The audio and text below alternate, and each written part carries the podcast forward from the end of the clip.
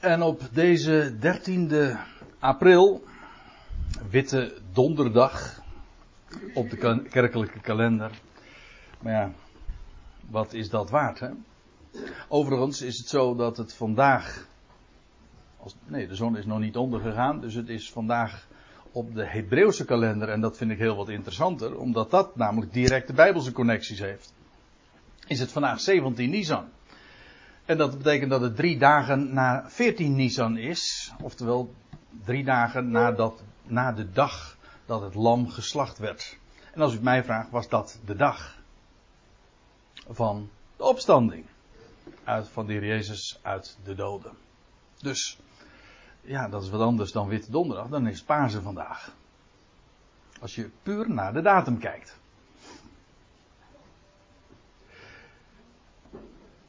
Er komt trouwens uh, nog wat bij. Het was. Uh, we hebben het nu dit hele seizoen over. En we hebben het genoemd de tweede bergreden. Het is de reden die de Heer heeft gehouden op de Olijfberg. En dat was. Zo, dat is niet eens uh, zo heel erg simpel hoor. Dat kun je niet zo 1, 2, 3 doen. Dat moet je echt schrift met schrift vergelijken. En ik ga dat nu, dat hele traject vanavond niet uh, met u bewandelen. Maar het is, aan de andere kant is het wel gemakkelijk na te gaan. Dat deze, of redelijk eenvoudig na te gaan, dat op de, de dag dat de Heer Jezus deze reden gehouden heeft, dat was twee dagen voor zijn sterven. Dus twee dagen voor de veertiende, oftewel op de twaalfde Nisan. En dat betekent dus in deze tijd is dat geweest. Vlak voor uh, het Pesach was dat. En dat maakte trouwens deze reden ook zo bijzonder. Het, twee dagen later zou de Heer, als u het mij vraagt zelfs, op dezelfde locatie, dat wil zeggen ook op die olijfberg, zijn leven geven. Tot een losprijs voor allen. En, en een paar dagen tevoren spreekt hij dan over, over het lot van Jeruzalem en al wat daar zou gaan plaatsvinden. En uh, de grote gebeurtenissen in verband met, uh, met dat wat de profeten allemaal hebben gezegd over, over de toekomst van Israël, et cetera. Dus dat even wat uh, betreft het tijdstip dat de, de Heer deze dingen heeft uitgesproken. Laten we even nog terugblikken.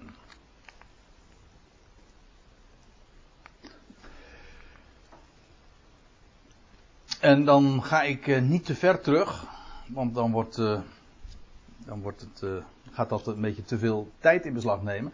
Maar wat we gezien hebben is dat aan het einde van de grote verdrukking, 1260 dagen duurt die periode, dat hebben we gezien, zullen zon en maan worden verduisterd, ook tekenen aan de sterren. Dan zal, lees u het eventjes met mij gewoon mee, in Matthäus 24 ga er even gemakshalve vanuit dat u een bijbeltje bij u hebt. Zo niet, dan gaat u nog even halen. Maar Matthäus 24, daar staat dus in vers 29 dat alles.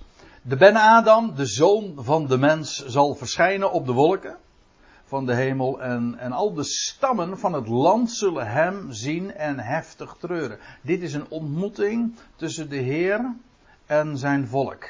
En zij zullen hem zien en dat is een aanhaling uit het boek uh, van de profeet Zacharia. En ze zullen zien wie zij hebben doorstoken, staat er.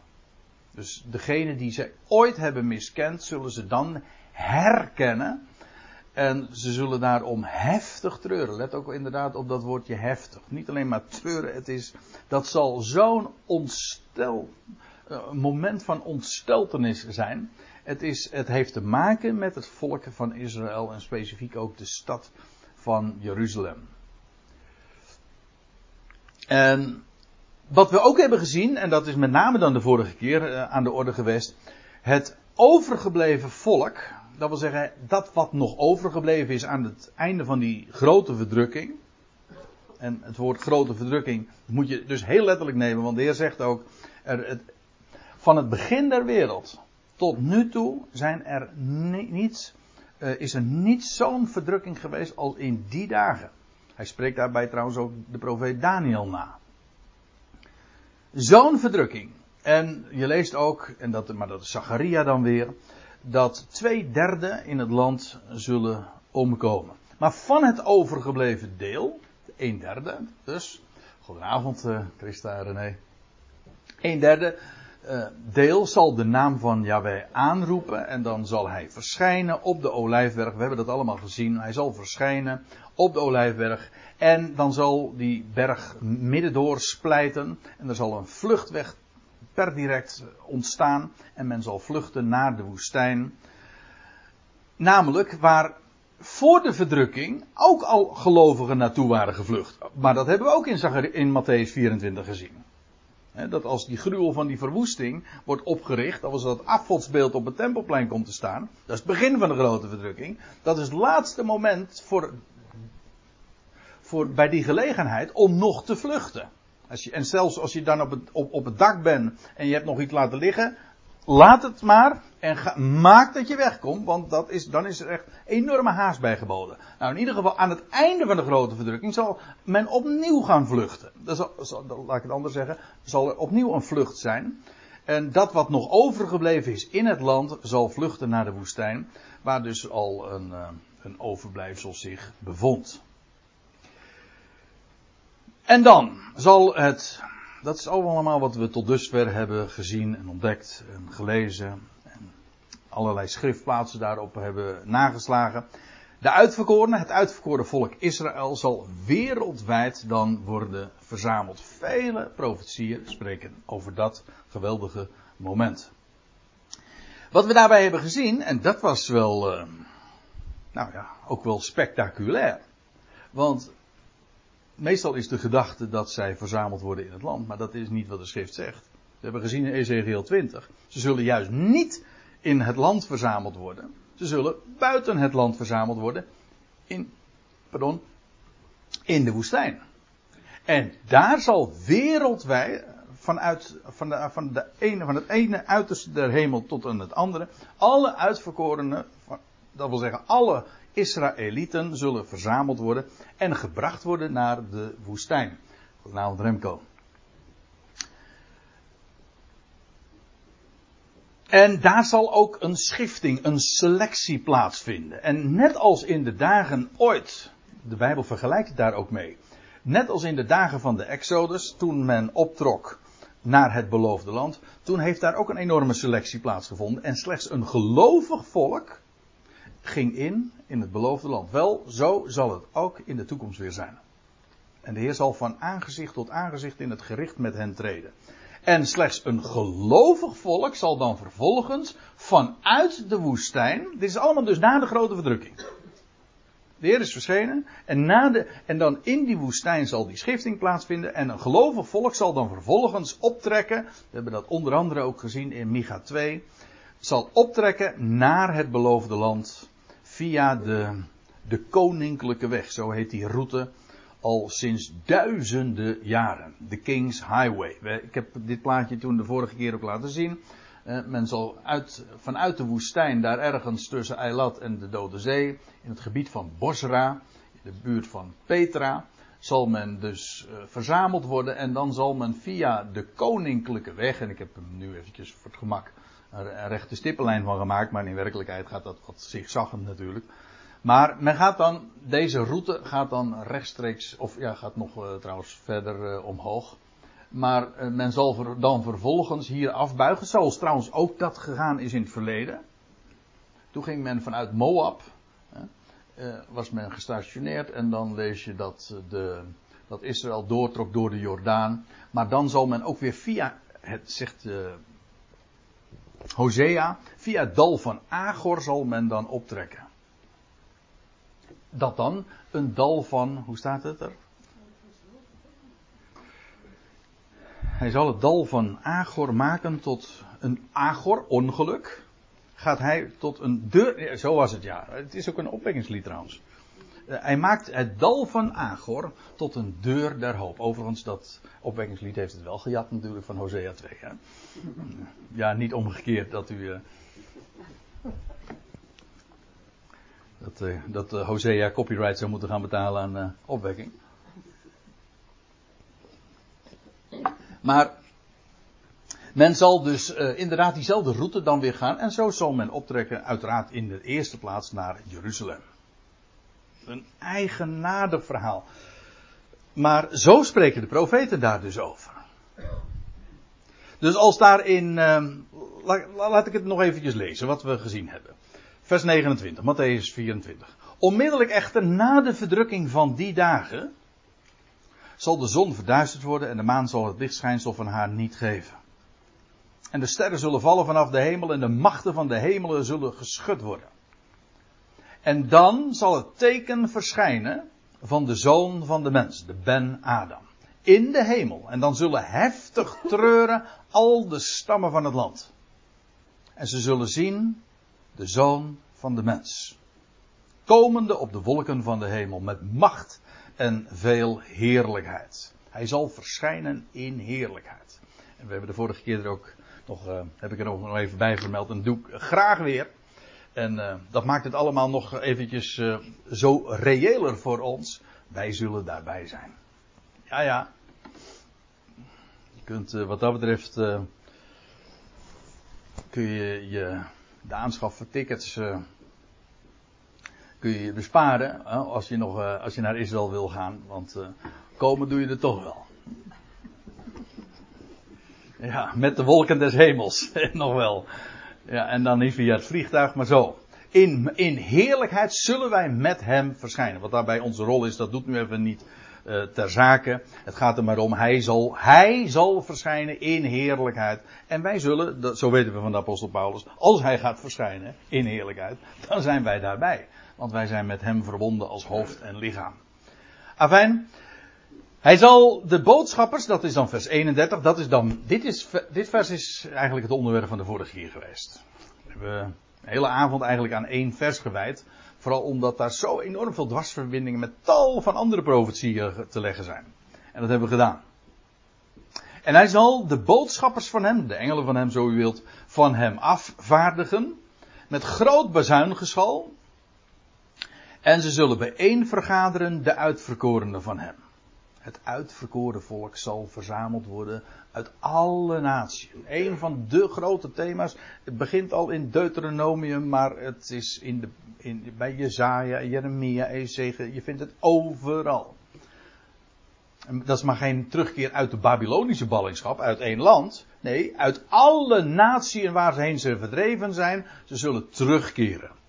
Naar het land, jawel, maar dan via de woestijn, zo weten we. In ieder geval, ze zullen bijeen vergaderen de uitverkorenen van hem.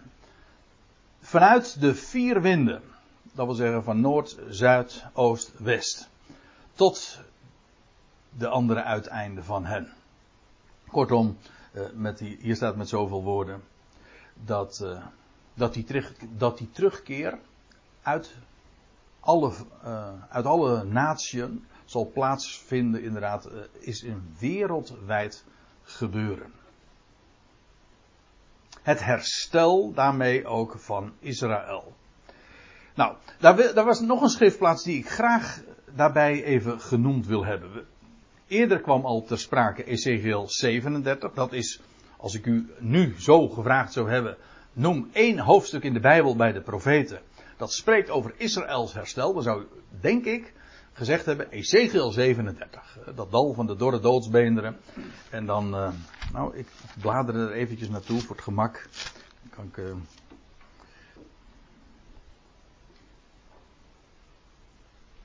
Ja, er staat er. Weet u trouwens, er staat in Ezekiel 37, vers 9 nog. Uh, daarop zeide hij, God, tot mij, Ezekiel, profeteer tot de geest. Profeteer mensenkind en zeg tot de geest, zo zegt de Heer Jahweh, kom van de vier windstreken, o geest, blaas in deze gedoden, zodat zij herleven. Nou ja, en dat, en dat gebeurt dan ook vervolgens.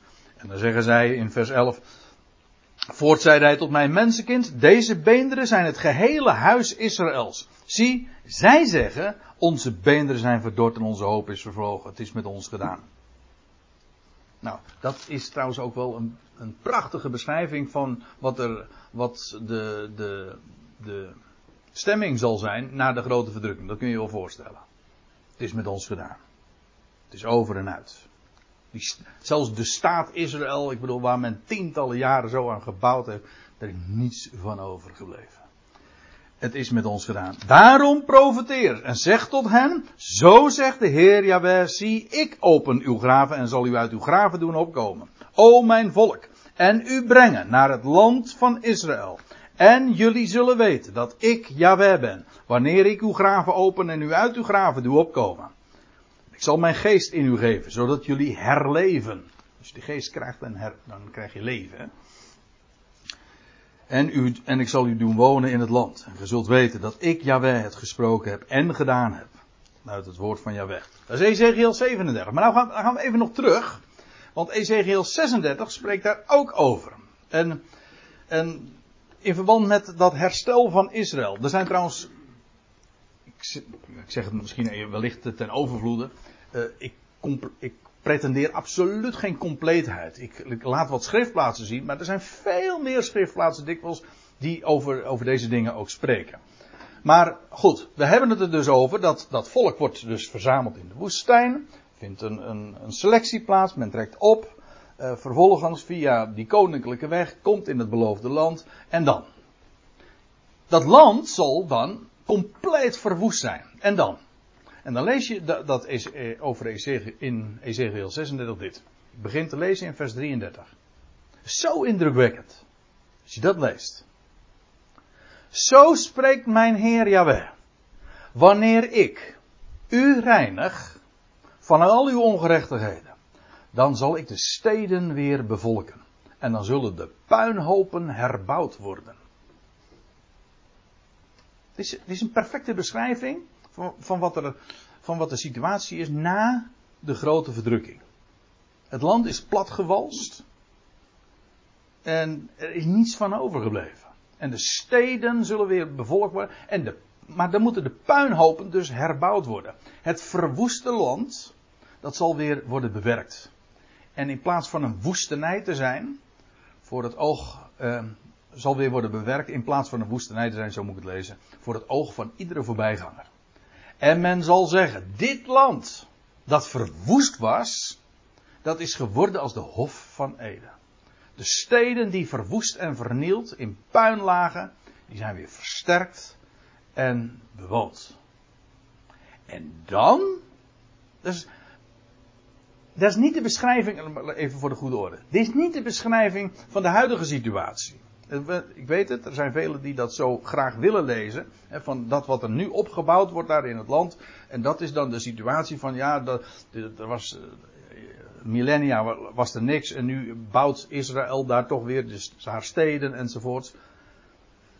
Dat is, dat is, het is tragisch genoeg. Maar dit is wat hier in Ezekiel 36 beschreven wordt. Het gaat over de toekomst. Als de Heer hen zal terugbrengen.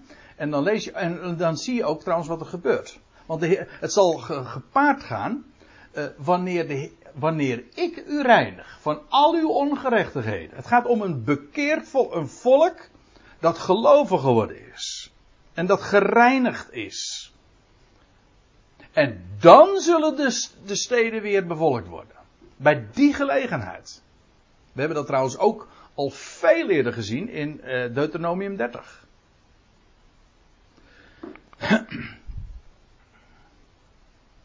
En dan lees je in vers 36, Ezekiel 36, vers 36. Dan zullen de volkeren die om u heen overgebleven zijn. Wat trouwens ook al er heel sterk op wijst, natuurlijk, dat er een, een, een grote slachting heeft plaatsgevonden. Een enorme strijd. Eh, waarbij er eh, kennelijk de bevolking ook gedecimeerd is. evenals met, dat met Israël. Want u weet, als de Heer zal verschijnen op de Olijfberg, dan zal hij, dan, en dan, goed, dan gaat hij zijn volk verzamelen in de woestijn. Maar hij zal ook strijden tegen de volkeren. Hij zal als een krijgsheer, lees je, een oorlogsheld, zal hij op gaan treden en zal het opnemen voor zijn volk, tegen de volkeren en tegen hen strijden. Dat zal trouw, en en hoe, hoe lazen we dat? Dat was ook de vorige keer. dan zal hij daar in Bosra zijn, in Edom En dan staat er, en dan, eh, wie is het die van Edom komt met bloed besprenkelde, hoe staat, zo, zo, zoiets staat het toch, met bloed besmeurde klederen van Bosra. Uh, het is de Heere die optreedt. Hè? En, dan, en wat is dat rood aan uw gewaad? Ja, dat is omdat hij de wijnpers der volkeren treedt. Zo, zoiets staat er. Ik citeer een beetje uit de losse pols, maar in Jezaja 63 kun je dat lezen. Dus ja, dat, dat, is de situatie in die dagen. Maar goed, als dan Israël weer verzameld is en hoe lange tijd daar overheen gaat, weet ik eerlijk gezegd niet.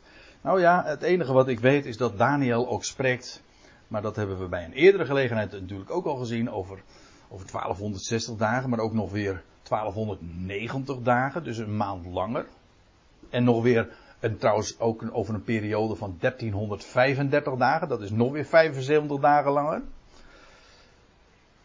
Dus uh, er zijn nog allerlei andere mijlpalen in die periodes uh, te, te ontwaren. Die kun je daar neerzetten. Maar u begrijpt dat is allemaal niet in 1, 2 dagen gebeurd. Al wat, hier, wat we nu zo uh, bezien. En als Israël dan inderdaad, het volk, het, het beloofde land is ingegaan. Dan, zal, dan zullen de steden worden herbouwd en het zal worden als de Hof van Eden. En, en, je leest, maar dat is nog weer een andere schriftplaats. En dan zal het ook de regen van de hemel krijgen. Niet door irrigatiesystemen, die men knap bedacht heeft. Maar gewoon door regen van de hemel. En het land zal inderdaad overvloeien van melk en honing. Niet door menselijke kunstvaardigheid en, en expertise. Dat is natuurlijk het Joodse volk ook wel toevertrouwd. Maar dat is mensenwerk. En u weet hoe dat gaat hè, met mensenwerk. Hoe de Heer daar tegenaan over staat.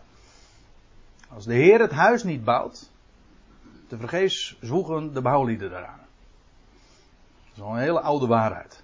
Maar als de Heer straks inderdaad dat huis van Israël weer gaat bouwen, daar in het land, ja, dan, dan wordt het als de Hof van Eden. En dan zullen de volkeren die om u heen overgebleven ook zijn, weten dat ik, Yahweh, herbouwd heb wat vernield was. En beplant heb wat verwoest was. Ik, Yahweh, heb het gesproken en ik zal het doen. Dit zijn zulke indringende, maar ook zulke duidelijke woorden. Het is God die het voor zijn rekening zal nemen. En ook allemaal uh, indachtig dat dat, dat geestelijke herstel. Men zal tot erkenning komen van. En men zal inmiddels gereinigd zijn. Maar uh, waarom ik het eigenlijk met name ook noem, is dat je leest dat het, het volk, het, nee, het land, zal hersteld worden nadat het een puinhoop en een woestenij was geworden. Eerst wordt het volk gereinigd. Men zal weten wie de Heer is en men, en de ik zal rein water op u sprengen. Dat is trouwens ook Ezekiel 36. En dan vervolgens wordt het land herbouwd en tot een hof van Ede gemaakt. Herbouwd wat, wat vernield was. Beplant wat verwoest was. Ik, Jawel. Ja.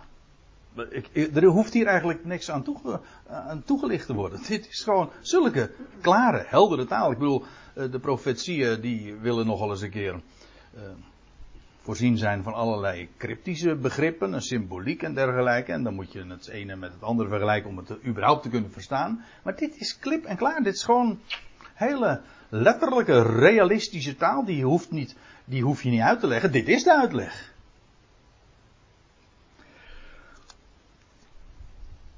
Dus dat nog even wat uh, dat herstel ook van Israël betreft.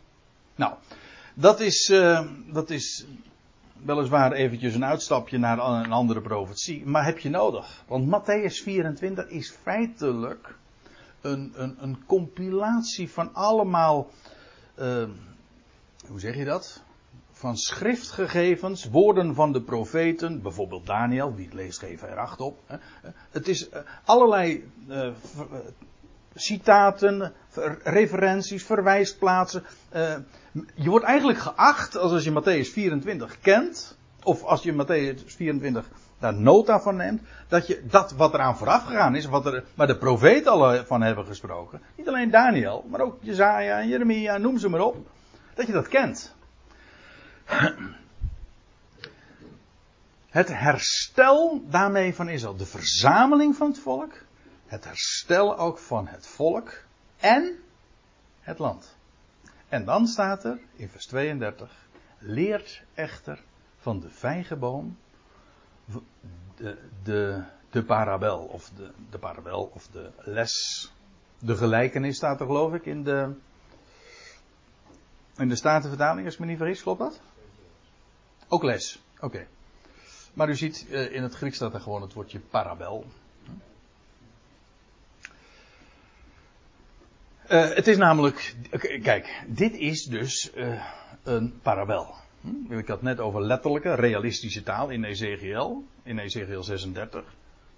Maar Ezekiel 37 is bijvoorbeeld het dal van door de doodsbenen. Dat is weer een, dat is in feite een beeld, ook een parabel. Hier opnieuw een parabel en dat gaat over een vijgenboom. Er, er, wordt hier een vergelijking gemaakt. Dat is altijd met een parabel. Eh, het verwijst naar iets anders. Leert echter van de vijgenboom de parabel. Deze. En welke dan? Nou, eerst, dan moeten we eerst eventjes namelijk uh, een andere vraag ons stellen. Uh, hoezo de vijgenboom? Wat heeft dat hier nu mee te maken? We hadden het toch over het herstel van Israël? Ja, daarom juist. Denk ik dan. Want uh, de vijgenboom speelt nogal eens een keer een rol in de, bij de profeten. Wat zeg ik? Het speelt nogal eens een keer een rol uh, in de evangelie. Wat zeg ik? Het speelde zelfs de dag dat de Heer Jezus deze reden uitsprak. 12 Nisan. Twee dagen voor zijn sterven. De dag dat hij deze reden uitsprak, vroeg in de morgen, speelde een vijgenboom nog een grote rol. Een hele eigenaardige geschiedenis. Maar het was dezelfde dag, de 12e Nisan, dat dat uh, speelde. En ik heb het over deze geschiedenis. Dan gaan we even naar Matthäus 21. Matthäus 21, dan praten we over het begin van de dag. Uh, Matthäus 23, 24. Dat is allemaal op één dag uh, heeft dat zo zijn beslag gehad. En oké, dan gaan we even naar Matthäus, 4, pardon, naar Matthäus 21 toe. Kennelijk, als je als je het zo allemaal op een rijtje zet, moet dat in de Matthäus 24 ergens uh, in de middag of achter in de middag zijn uitgesproken. Maar vroeg in de morgen van diezelfde dag dus, lees je in Matthäus 21 vers 18, des morgens vroeg, bij zijn terugkeer naar de stad, werd hij, dat wil zeggen Jezus, hongerig. En dan moet je even teruglezen, want het 17e vers, uh, daar zie je dan dat dat... Uh, hij had namelijk overnacht in Bethanië. Dat deed hij heel vaak. En Bethanië, ik zal het u even laten zien. Ik heb hier een plaatje, een plattegrond. Dan heb je hier de Olijfberg. Hier heb je de hof van Gethsemane. En daar eventjes over de, de top van de, de Olijfberg heb je het plaatsje Betfage. En als je nog wat uh, weer naar beneden gaat, dus dat is echt de andere kant, uh, dan heb je het plaatsje Betanië. En u weet wie daar woonde. Lazarus, ja, met zijn beide zusters. Maria en, uh, en Martha. Daar, daar, je mag aannemen dat de Heer daar ook vaak heeft overnacht. Soms lees je trouwens ook dat hij gewoon overnachtte op de Olijfberg, op de Olijfberg zelf. Of Betanië nog aan, op de Olijfberg zelf was, dat weet ik dan weer niet, maar in ieder geval aan de voet kennelijk van die berg. En goed, de Heer was dus, uh, had, uh, de voorgaande dag had hij, was hij in de tempel geweest. Vervolgens hij overnacht in Betanië. En dan lees je des morgens vroeg, bij zijn terugkeer naar de stad. Dus toen ging hij gewoon weer terug naar de Olijfberg. En dan, ja, over de Olijfberg uh, zeg ik het goed nou? Hij, hij, ging naar Jeruzalem en dus hij ging over de Olijfberg naar de stad toe. En toen uh, ergens op die route, lees je, werd hij hongerig. En dan lees je, en daar hij een vijgenboom aan de weg zag staan, ging hij erheen, doch hij vond niets daaraan. Dan alleen bladeren. En dan krijg je iets heel eigenaardigs. En daar zijn nog vele over gevallen. Dat is logisch, want als je dit alleen op zich bekijkt als, als die vijgenboom, dan, dan begrijp je dat niet. Want dan zegt, dan zegt hij tot hem, die, die olijfberg. Uh, nou, nou zit ik wel alles door elkaar te houden. Het was een olijfberg, ja. Maar op de olijfberg zag hij een vijgenboom. Dat kan, ja. Waarom niet? Ja, en. En aan die vijgenbomen hingen heel veel bladeren. Het was, uh, het was voorjaar. 12 Nisan, het, uh, of 12 Abib. Of Abib, of Aviv. Aviv is het Hebreeuwse woord voor lente. Dus de lentemaand dus. En uh, de, de, boom was al vol met bladeren. En, maar verder niks. Hij vond niets daaraan dan alleen bladeren. En hij zei tot hem, tot die olijfboom, nooit groeien aan u enige vrucht meer. En dan staat er in, de, in uw vertaling waarschijnlijk en ook in die van, mijn, van mij. In der eeuwigheid, in statenvertaling, of nooit groeien aan u enige vrucht tot in eeuwigheid. Nou, ik, eh, ik ben eh, hier in een gezelschap, in, op een locatie waar, uh, waar dat woord wat hier gebruikt wordt al zo vaak is behandeld. En, en u weet inmiddels wel dat woord wat hier in het Grieks staat, aion, dat is geen eeuwigheid. Maar wat een misverstand heeft dat allemaal opgeleverd. Wat de Heer zegt, aan deze olijf, vijgenboom, neem me niet kwalijk, aan deze vijgenboom groeit geen vrucht meer. Niet tot in eeuwigheid. Eeuwigheid, dat is een tijd zonder einde, hè, zoals we dat dan verstaan. Nee, tot in de aion. En nou vraagt u, heeft dat dan een einde? Dan zou ik zeggen, ja zeker. Want moet u, daar gaat heel Matthäus 24 over. Dan vragen de discipelen, wat is het teken van uw parousia? En van het einde van de aion. Stel je voor dat men, dat had lachen geweest hè. Kijk, dat, dan maak je nog eens wat mee. Stel je voor dat de vertalers dat nou op dezelfde manier hadden vertaald dan. Hè? In Matthäus 24 ook, net zoals in Matthäus 21, dat men het woordje aion, exact hetzelfde eh, woord wordt daar gebruikt, dat men toen, dat men in Matthäus 24 ook vertaald zou hebben. Eeuwigheid. Dan hadden de discipelen dus de vraag gesteld van, vertel ons, wat is het teken van uw parousia en het einde van de eeuwigheid? Gaat er nergens over. Is toch. Maar er staat er ook niets, dus uh, het is gewoon een, het is een wereldtijdperk. Maar dat, uh, dat levert nu juist zoveel zicht op. Want wat de Heer zegt over deze vijgenboom. ja, dan moet ik het wel goed zeggen. Ja, een ezel die stoot zich in het gemeen, hè? Niet twee keer tegen dezelfde steen. Ik, nou heb ik, heb ik wel eens uh, een hele aardige aanvulling daarvan gehoord. Dus één troost als u zich tweemaal stiet, een ezel bent u zeker niet. Dus dat is dan weer. Nou ja. Hè? Ja, die heb ik niet zelf verzonnen hoor. Maar ik, heb, ik dacht, die moet ik wel onthouden. Want het komt mij nog eens een keer van pas namelijk. uh, Nee, e- eventjes, ehm, want de situatie is eh, ernstig genoeg. Want de Heer die spreekt min eigenlijk een, een vervloeking uit over deze, over deze boom. Deze vijgenboom. Hij, hij ziet wel veel bladeren. Hij, het heeft de schijn van. Maar het is alleen maar blad. Maar vrucht. Ja, veel geschreeuw. Maar dat is dan weer een ander beeld. Weinig wol. Nou, in dit geval. Eh, veel blad maar er zit helemaal niks in. Geen vrucht, want daar gaat het om. En je begrijpt onmiddellijk waar het hier over moet gaan. Dit is natuurlijk een zinnebeeldig gebeuren. Een parabel. Dat moet je verstaan. Het gaat niet over die boom. Eh, want er staat, er, erger, er staat in het Lucas-evangelie nog bij. Het was de tijd nog niet van de vruchten. Van de vijgen. Staat erbij. De Heer wist wel wat hij deed. Dit was natuurlijk een beeld. Van, van wat er. Hij, hij was op weg naar de stad die hem verwierp. Die hem twee dagen later aan het kruis zou nagelen. En in dat kader.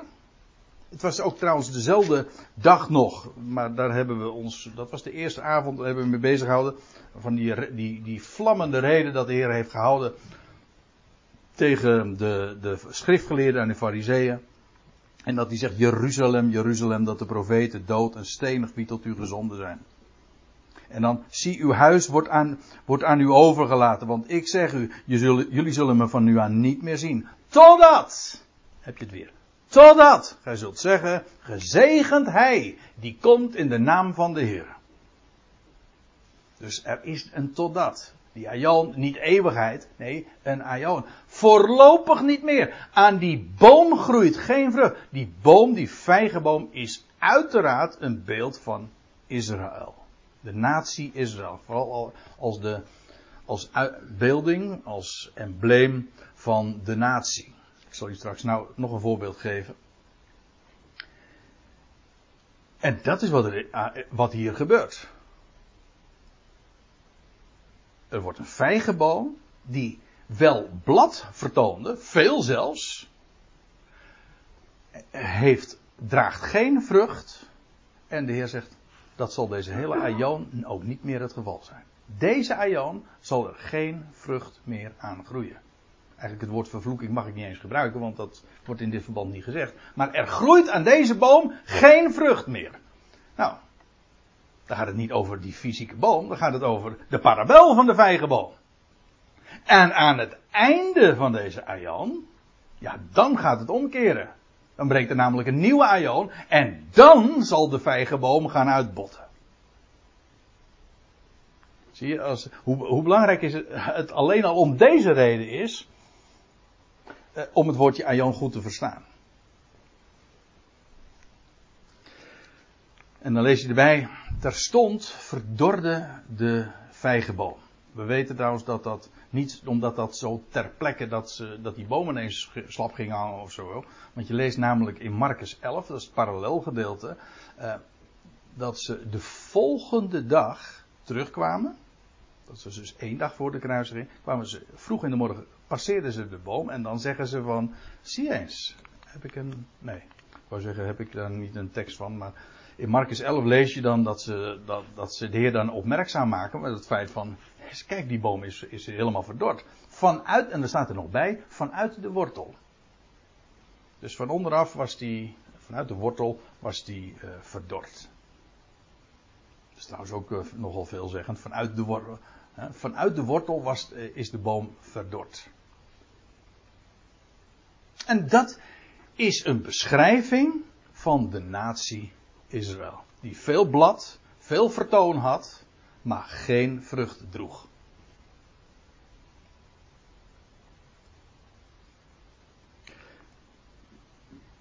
En dan heb ik er nog één. Dan gaan we even naar Lucas 13. Ik heb meteen maar even een paar plaatjes. Want ja, vijgenbomen zie je hier natuurlijk niet.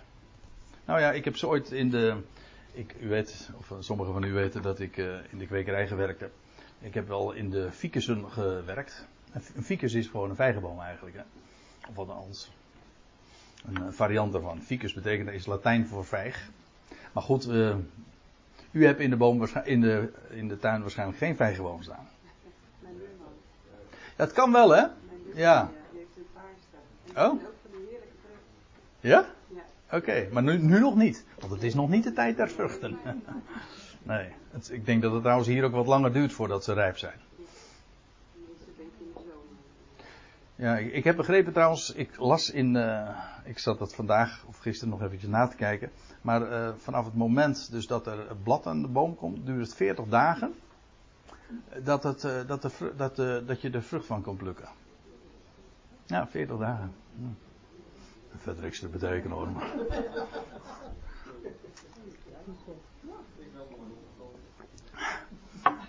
Ja, ik, ik, viel, ik struikelde daar ook over. Ja. Dat heb je als je, als je wat uh, geroken hebt aan het onderwerp van typologie en de natuur en zo, ja, dan ga je altijd dat soort uh, linken leggen tussen de schrift en dat wat je ziet in de natuur. En dan denk je van, zou dat allemaal uit één brein komen? Ja. Dus het is allemaal één ontwerper, dus dat, dat, dat je daar dat soort connecties ziet, dat uh, is niet zo moeilijk. Even terug naar mijn onderwerp, de vijgenboom. Dan lees je in Lucas 13, dat is bij een heel andere gelegenheid trouwens. En hij sprak deze, hij, dus de heer Jezus, sprak deze gelijkenis. Iemand bezat een vijgenboom. Die in zijn wijngaard was geplant. Ja, je kan een vijgenboom op een olijfberg hebben. Hm? Maar je kan ook een vijgenboom in een wijngaard hebben. Wat op zich ook wel een vrij eigenaardig verhaal is. Want in een wijngaard heb je toch meestal wijnstokken. Maar trouwens, een wijngaard is in de Bijbel net zo goed een beeld weer van het huis van Israël. Ik, heb maar, uh, ik ga ze niet uh, langs, maar ik heb wel uh, drie getuigen erbij ge, ge, geroepen, zodat de zaak vaststaat. Hè? Ja, had ik er maar twee hoeven doen, ja. Maar de, eerste is trouwens wel heel erg mooi. Hè? Dat, uh, je, dat Jezaja zo'n uitgebreide gelijkenis ook opvoert van... dat de Heer bezat een wijngaard en dan staat er van dat is het huis Israëls. En hij zocht vrucht. Hij vond geen vrucht. Maar hier is die wijngaard en in die wijngaard staat een vijgenboom. Al, er zijn trouwens verschillende bomen die allemaal feitelijk ook een uitbeelding weer van Israël zijn. Het kan zelfs een doornstruik zijn. Of een braamstruik. Goed. Uh, laten we even ter zake blijven. Iemand bezat een, een vijgenboom. Die in zijn wijngaard was geplant. En hij kwam om vrucht daaraan te zoeken. En, en zie daar eigenlijk hetzelfde fenomeen. Als wat de Heer op dezezelfde dag dat hij de Olijfberg. De, de, de tweede bergrede uitsprak. Er was geen vrucht. Hij kwam om vrucht te zoeken. Dat zou je ook mogen. Zeker in de wijngaard. En dat, ik bedoel, dat, dat, die plantje juist vanwege de vrucht. Hij kwam om uh, vrucht daaraan te zoeken en hij vond er geen. En dan staat er in vers 7 en hij zei tot de wijngaardenier, zie, het is nu al drie jaar dat ik vrucht aan deze vijgenboom kom zoeken. En ik vind ze niet. Hak hem om. Waarom zou hij de grond nutteloos beslaan? Hier eigenlijk dezelfde gedachte als die we zojuist zagen. Ook vijgenboom. Maar hier is de gedachte, al drie jaar, zegt de Heer, uh, is het zo dat ik vrucht aan deze vijgenboom kom zoeken. Maar er is niks. Ja, een hoop blad. dat, kun je niet eten. Hè? Al drie jaar. En dat is precies ook uh, de lengte van de Heer, dat, dat de Heer zijn bediening gehad heeft. Dit is nog een paar, kennelijk, hou me ten goede, maar dit moet een paar maanden nog voor uh, Jezus kruisiging geweest zijn. En dat betekent dus, eh, maar dat hebben we trouwens een, een seizoen eerder al gezien, dat de bediening van de Heer hier op aarde drieënhalf jaar geduurd heeft. Een halve jaarweek, weet u nog? Maar goed, uh, de Heer heeft zegt hier dan van ja, ik, al, al drie jaar zoek ik vrucht. En dan zegt hij trouwens, zegt die wijngaarder, laat hem nog een jaar staan. Dat is trouwens het vers hierna. Heb ik die? Nee.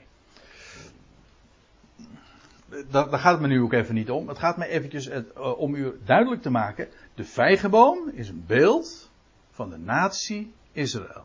De Heer kwam om vrucht daaraan te zoeken, maar hij vond geen. Hoop vertoon. Ze hadden de naam van, maar er uh, vrucht, nee, homar. En daarom, de boom zou worden omgehakt. En dat is precies ook wat ermee gebeurd is. Er is een einde gekomen aan Israëls nationale bestaan. Dit is profetisch. Zo profetisch. En die vijgenboom beeldt iets uit. Staat niet op zichzelf, maar leert een, ons een parallel. Maar nou, nou zijn we weer terug bij Matthäus 24, vers 32. Dan zegt de Heer: leert echter van de vijgenboom de parabel. De vijgenboom. Zo van, je weet het wel hè. De vijgenboom. Dat is Israël. Diezelfde vijgenboom als die ik vanmorgen nog vroeg in de morgen vervloekte. Of, sorry dat ik nou weer het woord gebruik, maar in ieder geval waarvan ik zei, geen vrucht zal er meer aan groeien, heel deze aion niet. En nou is het in de middag en de Heer spreekt op de Olijfberg een reden uit en over Jeruzalem en over de terugkeer van de Heer, over, over de terugkeer van de, de Ben Adam, over de verzameling van Israël en hoe het weer in het land terecht zal komen. En dan bij die gelegenheid staat er, leert echter van de vijgenboom de parabel. Wanneer ook maar de tak van haar als sappig zacht wordt en de bladeren uitspruiten, even voor de goede orde, dit is dus aan het einde van de aion. Deze aion zal ze geen vrucht meer vertonen, maar er de nieuwe aion daarentegen rijkelijk. En dan leert, van de, leert echter van de vijgenboom.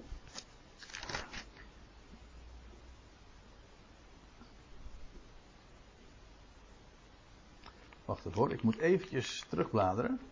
Want ik wil even weten hoe het er nu ook weer precies staat. Nee. Ik wou zeggen van, uh, er staat namelijk in de vertaling. Dat is iets wat me nou ter plekke te binnen schiet. Leer dan van de vijgenboom. Dat had, die had ook heel sterk, sterk geweest. Leer dan van de vijgenboom. Dat staat in de vertaling. Maar zo staat het er niet. Leert echter van de vijgenboom de parabel.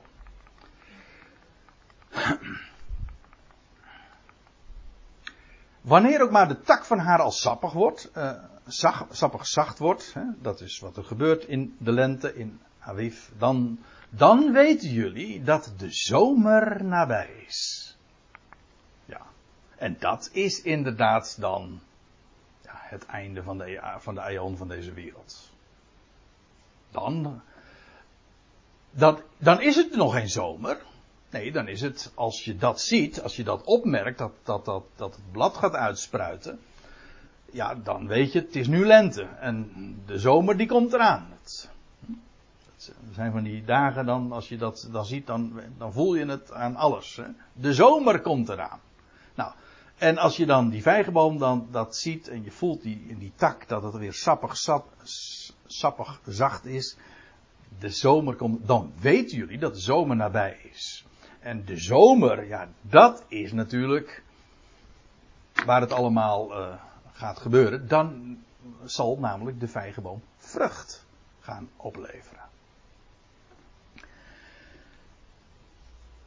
En die zomer, dat is het einde van de aion. Dat is wanneer het koninkrijk over deze wereld zal worden gevestigd. Dat is nu, op het moment dat Israël hersteld wordt, dan is het is nieuwe leven. Dat is...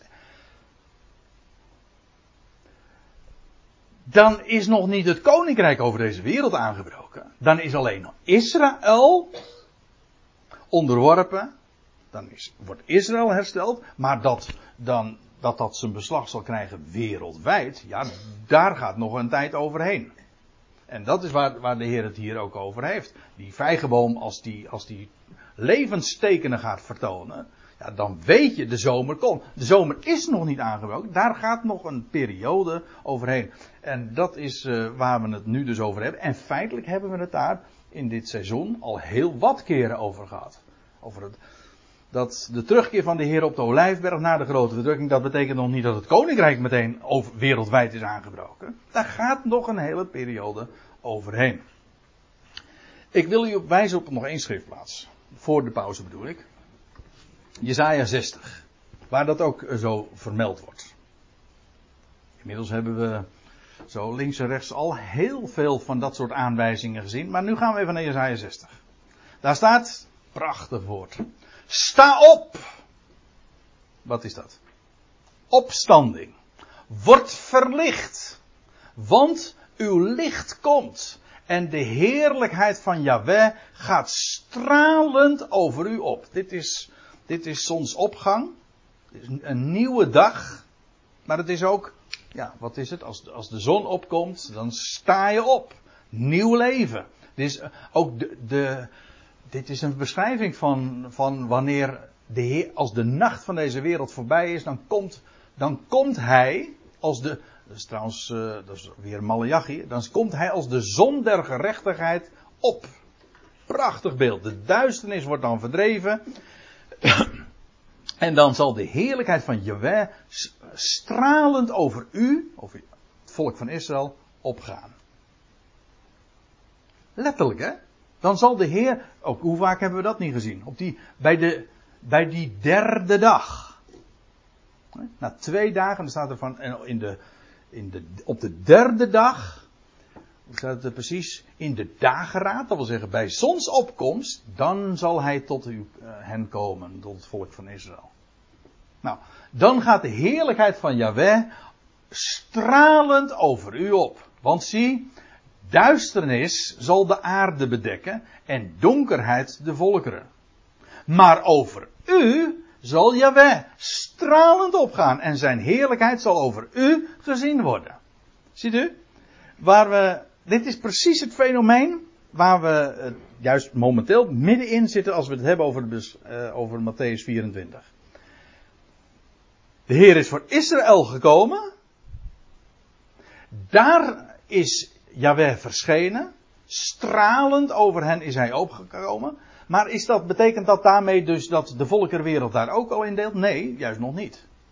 Want als, want zie, duisternis zal de aarde bedekken en donkerheid de volkeren. Maar over u, Israël, zal Jaweh stralend opgaan. Zie je dat verschil? De grote verdrukking voor Israël is voorbij. Maar de tijd van oordelen en gericht en van duisternis, ja, die zal voor de volkeren juist dan aanbreken. Dat contrast. Israël en de volkeren. Israël zal, Israël zal, voor Israël zal de dag dus eerder aanbreken. Daar komt het op neer. Dat is trouwens opmerkelijk. Voor Israël breekt de dag altijd eerder aan. Toch? Ja. Als, als, daar de zon, als de zon ondergaat, dan, breekt, dan breekt een nieuwe dag voor Israël aan. Toch? Zo rekent Israël ook. Wat zou daar toch achter zitten? Als bij ons de zon ondergaat, dan breekt bij Israël een nieuwe dag aan.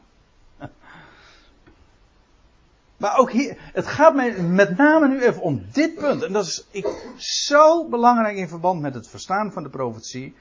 Als Israël hersteld wordt, als de Heer in hun midden zal zijn, als het stralend licht voor hen is, dan zal de volkerenwereld nog onder dikke duisternis zich bevinden. Nou, dat zullen we nog uh, meer gaan zien, maar ik stel voor, want het is inmiddels 5 en 9, dat we eerst even gaan pauzeren.